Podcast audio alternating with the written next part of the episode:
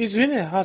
မတ်စ်ကြားဂါဇာဒေသမှာအပြစ်ခတ်ရစဲဖို့နဲ့ဖမ်းဆီးထားတဲ့ဒဇာကန်တွေပြန်လွတ်ဖို့သဘောတူညီချက်ရရှိရေးအီဂျစ်နဲ့ကတာနိုင်ငံကစစ်ဆင်ညှိနှိုင်းသူတွေနဲ့ဆွေးနွေးမှုတွေကိုကိုင်ရိုမြို့မှာဒီကနေ့ပြန်လည်စတင်မှာဖြစ်ပါတယ်။နောက်ဆုံးအဆိုပြုချက်ပေါ်ဟာမတ်စ်တွေဘက်ကတုံ့ပြန်ချက်ရမယ်လို့လည်းခန့်မှန်းထားကြတာပါ။အဆိုပြုချက်ကိုအစ္စရေးကအတိုက်အတာတစ်ခုထိလက်ခံထားတယ်လို့လည်းအမေရိကန်သမ္မတဂျိုးဘိုင်ဒန်အစိုးရအကြီးအကဲအရာရှိတူကပြောပါတယ်။အဆိုပြုထားတဲ့အတိုင်းလက်ခံရမယ်ဆိုရင်တော့ဂါဇာဒေသမှာသတင်း၆ပတ်ကြာအပြစ်ခတ်ရဆက်ထားပြီးဟာမတ်စ်တို့ဖမ်းဆီးထားတဲ့ဒဇာကန်တွေကထိခိုက်တဲ့နာနိုင်သူတွေကိုဦးစားပေးပြန်လွှတ်ပေးမှာဖြစ်သလိုစာနာမှုအကူအညီတွေကိုပုံမခွင့်ပြုသွားမှာပါ။ဟာမတ်စ်ဖွဲ့ကတော့ယာယီပြစ်ခတ်ရစဲရေးကနေစစ်ပွဲအဆုံးသတ်ဖို့ထိလိုလားတဲ့ရည်တည်ချက်ကိုမပြောင်းလဲဘူးလို့အီဂျစ်အစိုးရတာဝန်ရှိသူတွေနဲ့ဟာမတ်စ်ဖွဲ့နဲ့နှိစက်သူတူကိုကိုကပ်ပြီးသတင်းတွေကဖော်ပြနေကြပါတယ်ခင်ဗျာ။